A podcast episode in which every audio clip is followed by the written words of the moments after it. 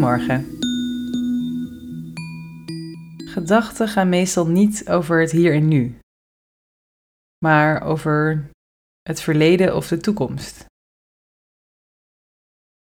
Je herinnert je iets wat iemand gisteren tegen je zei, of je denkt aan hoe je vakantie zal zijn, wat je allemaal nog moet regelen.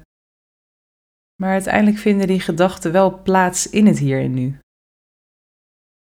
En daarom hoeven we gedachten niet uit te bannen in meditatie, maar kun je gedachten zien als onderdeel van het hier en nu. In deze korte meditatie gaan we daarmee oefenen. Je kunt je aandacht helemaal in het hier en nu brengen. Je kunt jezelf hier voelen zitten, in deze ruimte, op dit moment.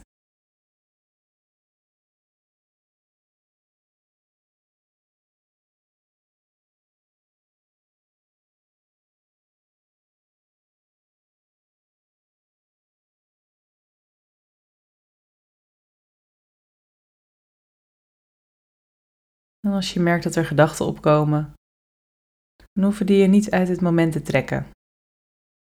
Je kunt ze omarmen als gedachten in het hier en nu.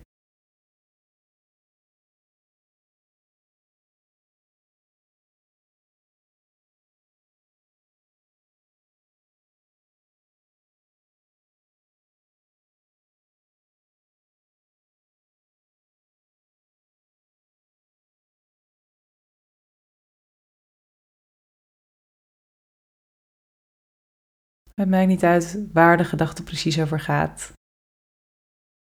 Op de inhoud hoef je niet verder in te gaan. Maar kun je ze herkennen als gedachten die in het hier en nu plaatsvinden.